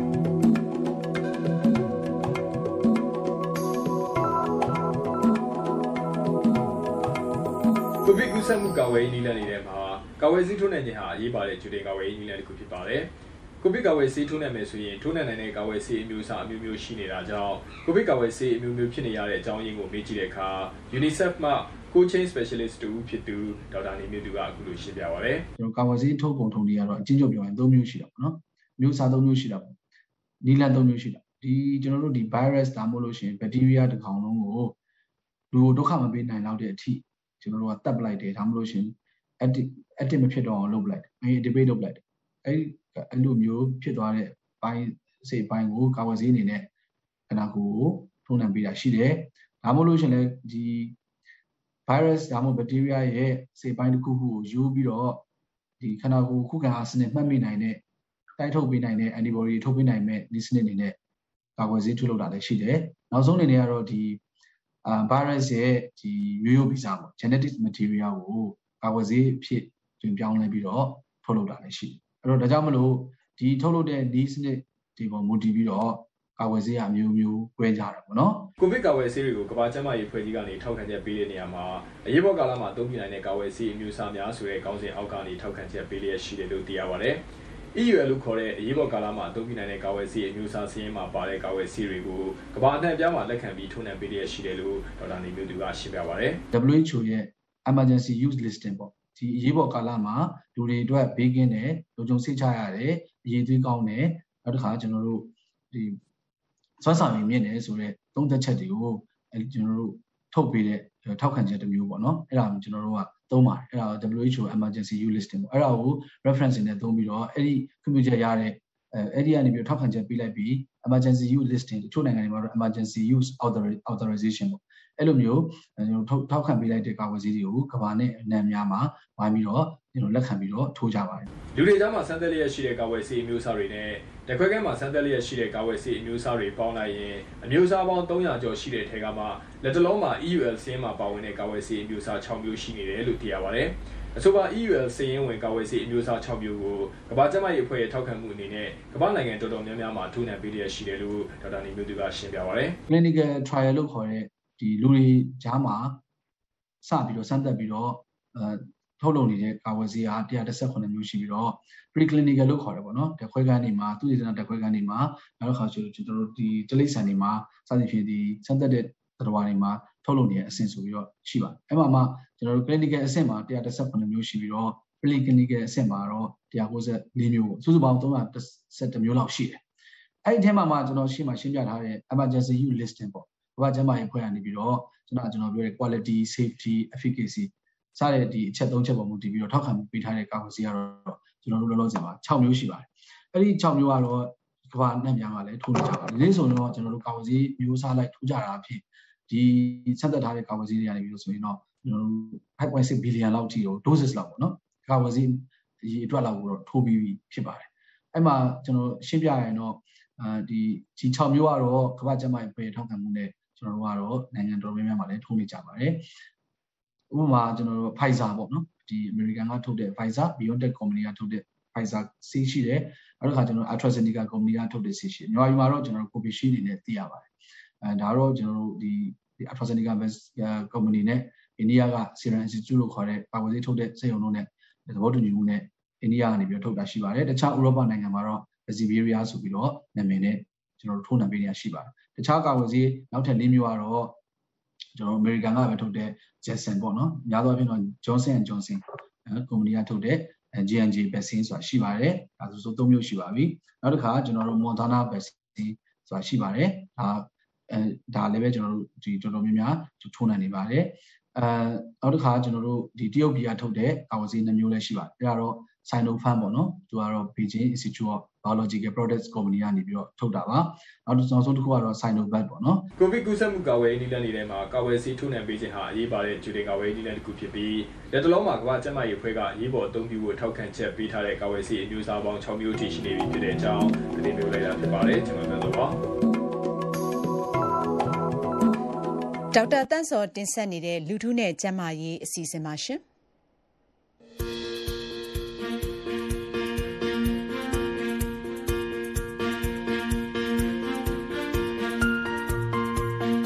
VOA American တန်ရုပ်သံနဲ့ရေဒီယိုထုတ်လွှင့်မှုတွေကိုနေ့စဉ် American ပြည်အောင်စု Washington မြို့တော်ကနေတိုက်ရိုက်ထုတ်လွှင့်တင်ဆက်ပေးနေပါတယ်။ဂျိုရုဖန်ယူမှုနဲ့လိုင်းဒိုမီတာတို့အပြင်ကျမတို့ VOA မြန်မာပိုင်းအင်တာနက်စာမျက်နှာဖြစ်တဲ့ burmese.voanews.com မှာလည်းကြည့်ရှုနားဆင်နိုင်ပါတယ်။ဒီကျမတို့ရဲ့အင်တာနက်စာမျက်နှာကိုဝင်ကြည့်လို့မရရင်တခြားနောက်နည်းလမ်းတစ်ခုအနေနဲ့ Siphon link ဖြစ်တဲ့8473 748.info ဆိုတဲ့ web လိပ်စာကိုရိုက်ထည့်လိုက်တာနဲ့ ကျမတို့ VOA မြန်မာပိုင်းပင်မစာမျက်နှာကိုရောက်ရှိနိုင်ပါတယ်။ 8473748.info ဖြစ်ပါတယ်။ဒါ့အပြင်လူမှုကွန်ရက်စာမျက်နှာတွေဖြစ်တဲ့ YouTube နဲ့ Twitter စာမျက်နှာတွေကနေလည်းနားဆင်ကြည့်ရှုသတင်းတွေကိုဖတ်ရှုလို့ရပါတယ်။ VOA မြန်မာပိုင်း YouTube လိပ်စာက youtube.com/voaburmese channel ဖြစ်ပါတယ်။စလုံးပေါင်းက VOA BURMESE CHANNEL ဖြစ်ပါတယ်။ YouTube စာမျက်နှာကိုရောက်ပြီဆိုရင် VOA Burmese လို့ရိုက်ထည့်လိုက်ရင်လည်းကျမတို့စာမျက်နှာကိုရောက်နိုင်ပါတယ်။ Twitter မှာဆိုရင်တော့ twitter.com/voaburmese ဖြစ်ပါတယ်။စလုံးပေါင်းက twiter.com/voaburmese ဖြစ်ပါတယ်။အတန်နဲ့ထုတ်လွှင့်ချက်တွေကို SoundCloud ကနားထောင်ခြင်းနဲ့ဆိုတော့ soundcloud.com/voaburmese ဖြစ်ပါတယ်။ VOA American တန်ရုပ်သံနဲ့ရေဒီယိုထုတ်လွှင့်ချက်တွေကို မြန်မာပြည်သူတွေစီအရောက်ပို့ပေးနိုင်ဖို့အစီအမြဲကြိုးပမ်းနေပါတယ်ရှင်။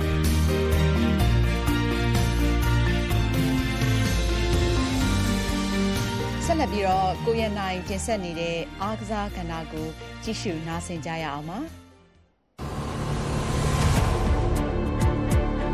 မြန်မာအားကစားလောကနဲ့မြန်မာနိုင်ငံရဲ့ပြေးခုန်ပစ်သမိုင်းမှာအအောင်မြင်ဆုံးအားကစားသမားတဦးဖြစ်တဲ့မခင်ခင်ထွေးကွယ်လွန်သွားခဲ့ပါပြီ။စက်တင်ဘာ30ရက်နေ့ညက အသက်56နှစ်အရွယ်မှာကင်ဆာရောဂါနဲ့ကွယ်လွန်သွားခဲ့တာဖြစ်ပါတယ်။အခုလိုမခင်ခင်ထွေးကွယ်လွန်သွားတာဟာအားကစားလောကအတွက်သာမကနိုင်ငံတော်ပါတမိုးရှိတဲ့အားကစားသမားကောင်းတယောက်ကိုဆုံးရှုံးလိုက်ရတာဖြစ်ပါတယ်မခင်ခင်တွေးဟာ1983ခုနှစ်က12ကြိမ်မြောက်ရှေ့တောင်အာရှအားကစားပြိုင်ပွဲကိုလက်ရွေးစင်ဖြစ်တဲ့စတင်ဝင်ရောက်ရှင်ပြိုင်ခဲ့ပြီးတော့1989ခုနှစ်အာရှအားကစားပြိုင်ပွဲမှာ ရွှေစိတ်တစ်ခုရှေ့တောင်အာရှအားကစားပြိုင်ပွဲမှာ ရွှေစိတ်10ခုနဲ့ နိုင်ငံတကာဖိတ်ခေါ်ပြိုင်ပွဲတွေကနေ စုစုပေါင်း ရွှေစိတ်30ရရှိခဲ့ပါတယ်။ဒါကြောင့် သူဟာ မြန်မာနိုင်ငံရဲ့အောင်မြင်ဆုံးအားကစားသမားတွေထဲကတစ်ယောက်ဖြစ်တယ်လို့ရှေ့တောင်အာရှအားကစားပြိုင်ပွဲမှာတံပြားပြည့် ရွှေစိတ်ဆုရှင်လည်းဖြစ်ပြည်ခုံမြေအဖွဲ့ချုပ်ရဲ့ တွဲဘက်အတွင်းမှုလည်းဖြစ်တဲ့ ဒေါ်အေးနွယ်က ပြောပါတယ်။သူကအောင်မြင်အောင်မြင်တဲ့ ကစားသမားတယောက်ပါ ဟုတ်ကဲ့။ သူကအာရှဂိမ်းတကွန်ဆိုင်မှာလည်းရွှေစိတ်ရပူပါတယ်။ဟိုနောက်ကျမတို့ဟို91ဟိုအရှတကွန်ဆိုင်ကြိုင်ပွဲကိုသွားတဲ့အချိန်မှာလည်းကျမရဲ့ဆောကျင်လွမ်းရဲ့သူရဲ့၃ယောက်သွားတာအဲ့ဒီအချိန်တုန်းကသူကလည်းငွေကျမကလည်းငွေတော့ကျင်လာကြည်ပေါ့တုံးလုံးစလုံးကအာရှတကောတိုင်ဒီကလလန်ပူမှာလောက်တဲ့ပြိုင်ပွဲမှာရခဲ့တာပေါ့ကျွန်တော်တို့၃ယောက်ထားမမရရပေါ့နော် 1983ခုနှစ်ကစင်ကာပူစီးကိန်းမှာမခင်ခင်တွေးနဲ့အတူမြမလေရွေးစဉ်ကစားသမားအဖြစ်စီးကိန်းကိုပထမဆုံးချိန်သွားရောက်ရှင်ပြိုင်ခဲ့တဲ့မြမလေရွေးစဉ်ဗော်လီဘောကစားသမားဟောင်းဦးမြင့်နိုင်ကလည်းမခင်ခင်တွေးဟာမြန်မာနိုင်ငံရဲ့အောင်မြင်ဆုံးအားကစားသမားတွေထဲမှာတယောက်ပါဝင်တယ်လို့ပြောပါတယ်။အားကစားသမား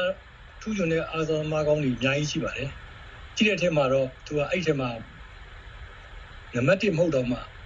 အဲ့ဒီအားကစားထူးချွန်တဲ့အဖွဲ့ထဲမှာသူကတေချာပေါက်ပါတယ်။ဆိုတော့မခင်ခင်ထွေးအဲ့လိုအောင်မြင်မှုတွေရတာဘာကြောင့်ပါလဲ။သူမဟာဘယ်လိုအားကစားသမားမျိုးပါလဲ။အားကစားနဲ့ပတ်သက်လာလို့ရှိရင်တော့သူကစိတ်သက်ကောစီကံအကုန်လုံးကသူကအကဲကိုစံထားလောက်ပါပါတယ်။ကြိမ်ပွဲမှာဆိုလို့ရှိရင်သူကအနိုင်မခံရှုံးမပေးတဲ့စိတ်ဓာတ်နဲ့လည်းသူကြိုင်ခဲ့သူကစီကံကောင်းတယ်စိတ်သက်ကောင်းတယ်ဟိုရှင်းပြမှုအားကောင်းတယ်သူလောက်ထားတဲ့ သူ training ပေါ်မှာ သူ confident အပြည့်ရှိတယ်ပေါ့နော် အဲ့လိုမျိုးဇာလမာတယောက်ပါ ဒါကြောင့်မို့လဲသူ ဒီရှေ့တောင်အားချမှာဆိုလို့ရှိရင်စီကိန်းကိုတွားပြိုင်တဲ့တစ်ချက်မှာ သူ့ရဲ့ အောင်မြင်မှုတွေက တကယ်ကိုဟို စံထားလောက်ပါလေဟုတ် ပြန်ရောပြက်ရင်းနဲ့ကို သူကခဏကျွတ်သွားတာတောင်မှ သူကချွေရအောင်သူအဲ့လိုမျိုး ပြိုင်လာတဲ့ဇာတမပေါ့နော် စိတ်သက်သာကောင်းပါ16စီကိန်းမှဆိုရင်သူ ရွှေနှစ်ခု ရတယ် အဲ့ဒီတုန်းကဆိုရင်ဖက်နဲ့ကျွတ်တာလေ ဟိုကျွတ်တာအဲ့ဖက်နဲ့ကျွတ်တဲ့ဖက်နဲ့ကိုသူအမှုမထားဘဲနဲ့ချွေရအောင်သူကဝင်ပြိုင်လာတာပေါ့နော်1989ခုနှစ်ကမလေးရှားနိုင်ငံမှာကျင်းပတဲ့စီးကိန်းမှာဖက်နဲ့တစ်ဖက်ကျွတ်ပြီးကျန်တဲ့ဖက်နဲ့တစ်ဖက်ထဲနဲ့ပြေးပြီးတော့ရွှေစိတ်စုရခဲ့တာကလည်းမက်ခင်ခင်ထွေးရဲ့အပြေးသမားဘဝသမိုင်းမှာပြိုင်ဘက်တွေကပါအံ့အားသင့်ခဲ့ရတဲ့အောင်မြင်မှုတစ်ခုဖြစ်ပါတယ်။အားကစားလောကမှာမက်ခင်ခင်ထွေးရဲ့နာမည်တစ်ခုကတော့မာဆော်ဖြစ်ပါတယ်။ အားကစားသမားတွေထဲမှာ ပိန်လွန်းတာကြောင့် သူ့ကို ကျန်တဲ့သူတွေကချစ်စနိုးနဲ့ နာမည်ပြောင်းပေးထားတာဖြစ်ပါတယ်။သူ့နာမည် ခင်ခင်ထွေးကို နာမည်ပြောင်းနဲ့ခေါ်ကြတဲ့မာဆယ်ဆိုတာက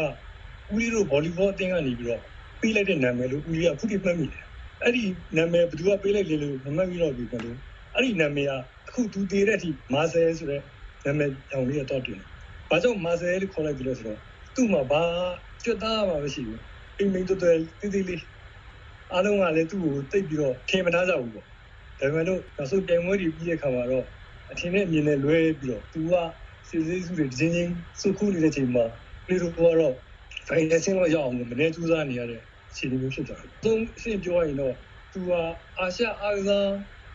ပြိုင်ပွဲမှာတော့မှချန်ပီယံဖြစ်ခဲ့တာ။ဒီအမှတ်ရစရာတော့အားလုံးသွားတဲ့အထက်မှာသူကလည်းအားကစားနည်းပေါင်းစုံနဲ့ခင်းတဲ့အတွက် သူ့မာဆယ်လို့ခေါ်လိုက်တဲ့နာမည်လေးကိုအခုချိန်ထိမှတ်မိနေတယ်။အဲ့ဒါကတော့အထူးသတိရစရာတစ်ခုပါပဲ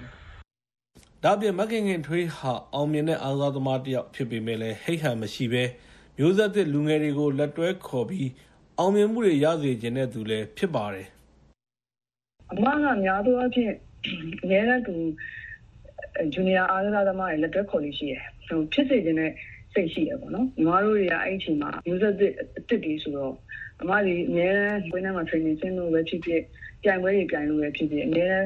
အော်ဟေးအားပေးရမျိုးလည်းလုပ်တယ်တွန်တင်တာလည်းလုပ်တယ်ဘလို့ပြိုင်ဘလို့ရှိတယ်ဆိုတဲ့ဟာမျိုးလည်းလုပ်လို့ရှိတယ်သူလည်းအဲ့လိုပဲ user တစ်ကနေဒီလိုမျိုးလက်ရွေးစင်ဘဝအထိအောင်မြင်တဲ့သူဖြစ်လာတဲ့အခါမှာကျန်တဲ့သူတွေလည်းသူအဲ့လိုဖြစ်စေခြင်းနဲ့စိတ်တူမှရှိတယ်သူ့ရဲ့စိတ်ဓာတ်ကဟိုတုံတုံလွယ်လွယ်နဲ့အရှုံးမပေးဘူးဟို ညီမတို့လည်းအားကစားသမားလုပ်ခဲ့တာပဲဒါလက်ခင်တွေတော့အောင်မြင်မှုကိုတကယ်ကိုပြင်းပြပြီးတော့တကယ်ဘဝဖြစ်တဲ့ခါမျိုးတော့မရှိခဲ့ဘူးပေါ့နော်အမအဲ့လိုမျိုးအောင်မြင်အောင်လုပ်နေတဲ့စိတ်ရှိတယ်မခံချင်စိတ်ရှိတယ်သူဟိုမရရအောင်ဒါသူလောက်ပြမယ်ဆိုတဲ့ဟာမျိုးအဲ့လိုစိတ်သက်ရှိတယ်နောက်ပို့ပြီးတော့ဟိုလေးစားစရာကောင်းတာကကြတော့ဟိုသူလည်းရေးစင်မဲ့သူစီနီယာကစားသမားပဲဆိုပြီးတော့ သူနဲ့အတူတူရှင်ပြိုင်ဘက်တွေတော့လကောင်းဒါမှမဟုတ်ဂျူနီယာကစားသမားတွေတော့လကောင်းသူအဲ့လိုမျိုးပုံမှာနိုင်ကျင်တာမျိုးလည်းမရှိဘူးအများသူဒီ sharing လုပ်တယ်အများနဲ့တွဲခေါ်တယ်နောက်ပြန်တဲ့ဒီ restrict ရှိတယ်အားကစားသမားပြည်သားတယ်အားကစားစိတ်တဲ့ရှိတယ်အားကစားသမားမျိုးဖြစ်တယ်လို့ညီမကတော့အမကိုအဲ့လိုမျိုးယူဆရတယ်ပေါ့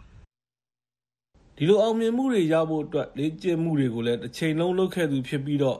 ပြေးဖို့အတွက်မွေးလာတဲ့သူလို့ထင်ရလောက်အောင်ကို လေ့ကျင့်နေတဲ့သူဖြစ်တယ်လို့ဦးမြင့်နိုင်ကပြောပါတယ်နိုင်ငံကိုစားပြုသူပါလာပြီဆိုရင်တော့သူ့နောက်ကိုလိုက်ပြီးတော့သူ့ရဲ့စံချိန်ကဘလောက်သူ့ကိုလည်းနိုင်ငံလည်းအားထားရတဲ့ကစားသမားတယောက်အနေနဲ့ဂုဏ်ယူစရာပေါ့ဒါပေမဲ့လို့သူကတော့လူမော်ကျော်တာမျိုးမရှိဘူးအသက်ကလည်းငငယ်လေးရှိသေးတာသူကအားစားလေးပေါ့ဆိုလည်းခင်းတယ်နောက်ပြီးတော့ကျူးစားတာဘယ်လောက်ထိကျူးစားတယ်လဲဆိုရင် तू ကပြေးဖို့မွေးလာတဲ့သူတို့ကိုထင်ရတော့တနေကုန်ပြေးနေတာ သူကအိမ်မဝင်ခဲ့တဲ့အချိန်တုန်းကလည်းအမြဲတမ်းလေ့ကျင့်အပြည့်လေ့ကျင့်နေကြတာပဲအခုနောက်ဆုံးသူအနားယူပြီးတော့သူ့အိမ်မှာသူနေရတဲ့အချိန်မှာလည်းဒီအောက်ဟော်ကန်တော်ယူပတ်ပြီးပြေးနေတာသူကျမကြီးလေ့ကျင့်နေတာလေနောက်ဆုံးဟိုကောသူဝေဒနာတွေခံစားနေရတဲ့အချိန်ထိကိုသူမင်းရမနာပြေးနေတာအင်မတန်ဆွေးရှိတဲ့ကလေးမအဲ့ဒါလေးကတော့2 3ရမိတာလေးပါ မခင်ခင်တွေးဟာအိုလံပစ်ပြိုင်ပွဲကိုလည်း1988 90နဲ့96ခုနှစ်တွေမှာ၃ကြိမ်ဝင်ရောက်ရှင်ပြိုင်ခဲ့ဘူးသူပါအားကစားသမားဘဝကနေအနားယူပြီးတဲ့နောက်မှာတော့သူမဟာပြေးခုံပစ်နီးပြဖြစ်လာခဲ့သလိုသူ့ဘဝရဲ့နောက်ဆုံးအချိန်ထိပြေးခုံပစ်အဖွဲ့ချုပ်မှာတွဲဘက်တွဲမှုအဖြစ်လုပ်ကိုင်ရင်းပြေးခုံပစ်အားကစားကိုချစ်မြတ်လုပ်ခဲ့ဖြစ်ပါတယ်ခင်ဗျာ ကိုရနိုင်အပတ်စဉ်တင်ဆက်နေတဲ့အာကစားကဏ္ဍကိုနားဆင်ကြည့်ရှုခဲ့ကြတာပါရှင်။အခုတော့ကြာတာပတေးနေ့နေ့နဲ့ခင်းအစီအစဉ်အတွက်သတင်းအချင်းချုပ်ကိုကိုအောင်လွင်ဦးကတင်ဆက်မှာပါ။ပြင်သစ်ဆိုရထိတ်တန်းတာဝန်ရှိသူတွေနဲ့ဒီသတင်းပတ်တဲ့ဆွေးနွေးမှုတွေကတကယ်ကိုအကျိုးရှိခဲ့တဲ့အကြောင်းအမေရိကန်နိုင်ငံသားဝန်ကြီးအန်တိုနီဘလင်ကန်ကပြောလိုက်ပါတယ်။ နိုင်ငံပူးပေါင်းဆောင်ရွက်မှုတွေဟာအင်ဒိုပစိဖိတ်ဒေသမှာတရုတ်နိုင်ငံရဲ့စီးရေးလှုပ်ရှားမှုတွေကိုထိန်းချုပ်လာနိုင်တဲ့အထိဖြစ်နိုင်တယ်လို့လည်းပြောဆိုသွားခဲ့တာပါ။အင်ဒိုပစိဖိတ်ဒေသမှာအမေရိကန်အတွက်ဥရောပအထူးသဖြင့်ပြည်သစ်နိုင်ငံဟာအင်အားကောင်းတဲ့မိဖက်ဖြစ်မရှိမဖြစ်အရေးကြီးတဲ့အကြောင်းလဲပါရီမြို့တော်ကဗုဒ္ဓနေ့သတင်းစာရှင်းလင်းပွဲမှာဝန်ကြီးပလင်ကင်ကပြောဆိုသွားပါတယ်။ အီရန်နိုင်ငံရဲ့နျူကလ িয়ার စီစဉ်နဲ့ပတ်သက်တဲ့နိုင်ငံတကာသဘောတူညီချက်ကိုပြန်အသက်သွင်းနိုင်မှုရုရှားနိုင်ငံသားရေးဝန်ကြီးနဲ့ဆွေးနွေးခဲ့တဲ့အကြောင်းလည်းအမေရိကန်နိုင်ငံသားရေးဝန်ကြီးဘလင်ကင်ကပြောဆိုခဲ့တာဖြစ်ပါတယ်။အီရန်နျူကလ িয়ারအရေးဟာအမေရိကန်နဲ့ရုရှားနှစ်နိုင်ငံစလုံးအတွက်စိုးရိမ်စရာ ကိစ္စဖြစ်တဲ့အကြောင်းလဲပြည်သစ်နိုင်ငံပါရီမြို့ကဗိုလ်ထူးနေသတင်းစာရှင်းလင်းပွဲအတွင်းမှာပဲပြောဆိုသွားပါတယ်။ရုရှားနိုင်ငံခြားရေးဝန်ကြီးဆာဂေးလော့ဖရော့ကလည်းအီရန်နျူကလ িয়ার အရေးနိုင်ငံတကာသဘောတူညီချက်ပြန်သက်သွင်းနိုင်အောင်ဆွေးနွေးမှုတွေအမြန်ဆုံးလုပ်တဲ့အကြောင်းအမေရိကန်နိုင်ငံခြားရေးဝန်ကြီးနဲ့ဆွေးနွေးမှုအပြီးမှာပဲပြောဆိုလိုက်ပါတယ်။အမေရိကန်ဒုတိယနိုင်ငံခြားရေးဝန်ကြီးဝန်ဒီရှာမန်ဟာအိန္ဒိယနိုင်ငံခြားရေးဝန်ကြီးနဲ့တွေ့ဆုံပြီးမြန်မာအရေးပါဝင်ဒေသရင်းကိစ္စတွေကိုဆွေးနွေးပါတယ်။ဒုဝန်ကြီးရှာမန်ဟာနယူးဒေလီမြို့တော်မှာအိန္ဒိယနိုင်ငံခြားရေးဝန်ကြီး Harsh ရှရင်လာနဲ့တွေ့ဆုံရမှာမြန်မာနိုင်ငံဒီမိုကရေစီလမ်းကြောင်းပေါ်ပြန်ရောက်ဖို့ကြိုးပမ်းမှုတွေနဲ့ပတ်သက်လို့ဆွေးနွေးဖြစ်တဲ့အကြောင်းအမေရိကန်နိုင်ငံရေးဝန်ကြီးဌာနကသတင်းထုတ်ပြန်တာဖြစ်ပါတယ်မြန်မာနိုင်ငံမှာဖေဖော်ဝါရီလ၁ရက်နေ့ဆင်အာနာသိမ်းပြီးနောက်ပိုင်းနိုင်ငံရေးအကြက်တဲတွေနဲ့လက်နက်ကန်ပြစ်ခတ်တွေပေါ်ပေါက်နေတဲ့အပေါ်အမေရိကန်ပါဝင်နိုင်ငံတကာအတိုင်းအဝိုင်းနဲ့ဒေသတွင်းနိုင်ငံတွေကြားစိုးရိမ်မှုတွေထွက်ပေါ်နေချိန်မှာပဲနိုင်ငံတန်တမန်တွေတွေ့ဆုံကြတာလည်းဖြစ်ပါတယ် ကျေးဇူးပါရှင်။တရင်ချင်းချုပ်ကိုကိုအောင်လွင်ဦးကတင်ဆက်ခဲ့တာပါ။ကြာသာပတင်းနေ့နေ့ခင် VOA မြန်မာပိုင်းအစီအစဉ်ကိုမြန်မာစံတော်ချိန်နဲ့6နိုင်ကနေ9နာရီထိတင်ဆက်ခဲ့တာပါရှင်။ညပိုင်းရုပ်သံနဲ့ရေဒီယိုအစီအစဉ်ကိုတော့မြန်မာစံတော်ချိန်ည9နာရီကနေ10နာရီထိတင်ဆက်မှာမို့စောင့်မျှော်နားဆင်ကြည့်ရှုကြပါရှင်။ဒီကနေ့မနေ့အစီအစဉ်ထုတ်လုပ်ရေးမှုကတော့ကိုရဲမွန်ပါ။အတန်ဖန်အင်ဂျင်နီယာကတော့ Jimmy Cook ဖြစ်ပါတယ်။ရုပ်သံအင်ဂျင်နီယာကတော့ Darren Smith ပါရှင်။ကျမကအင်ဂျင်နိုင်ပါ VOA မြန်မာပိုင်းအစီအစဉ်ကိုကြည့်ရှုနားဆင်အားပေးကြတဲ့ကမ္ဘာတလွှားကသောရရှင်အားလုံးကိုကျေးဇူးထူးတင်ပါတယ်။ဘေးအန္တရာယ်အသွေးအသွေးကနေကင်းဝေးကြပါစေရှင်။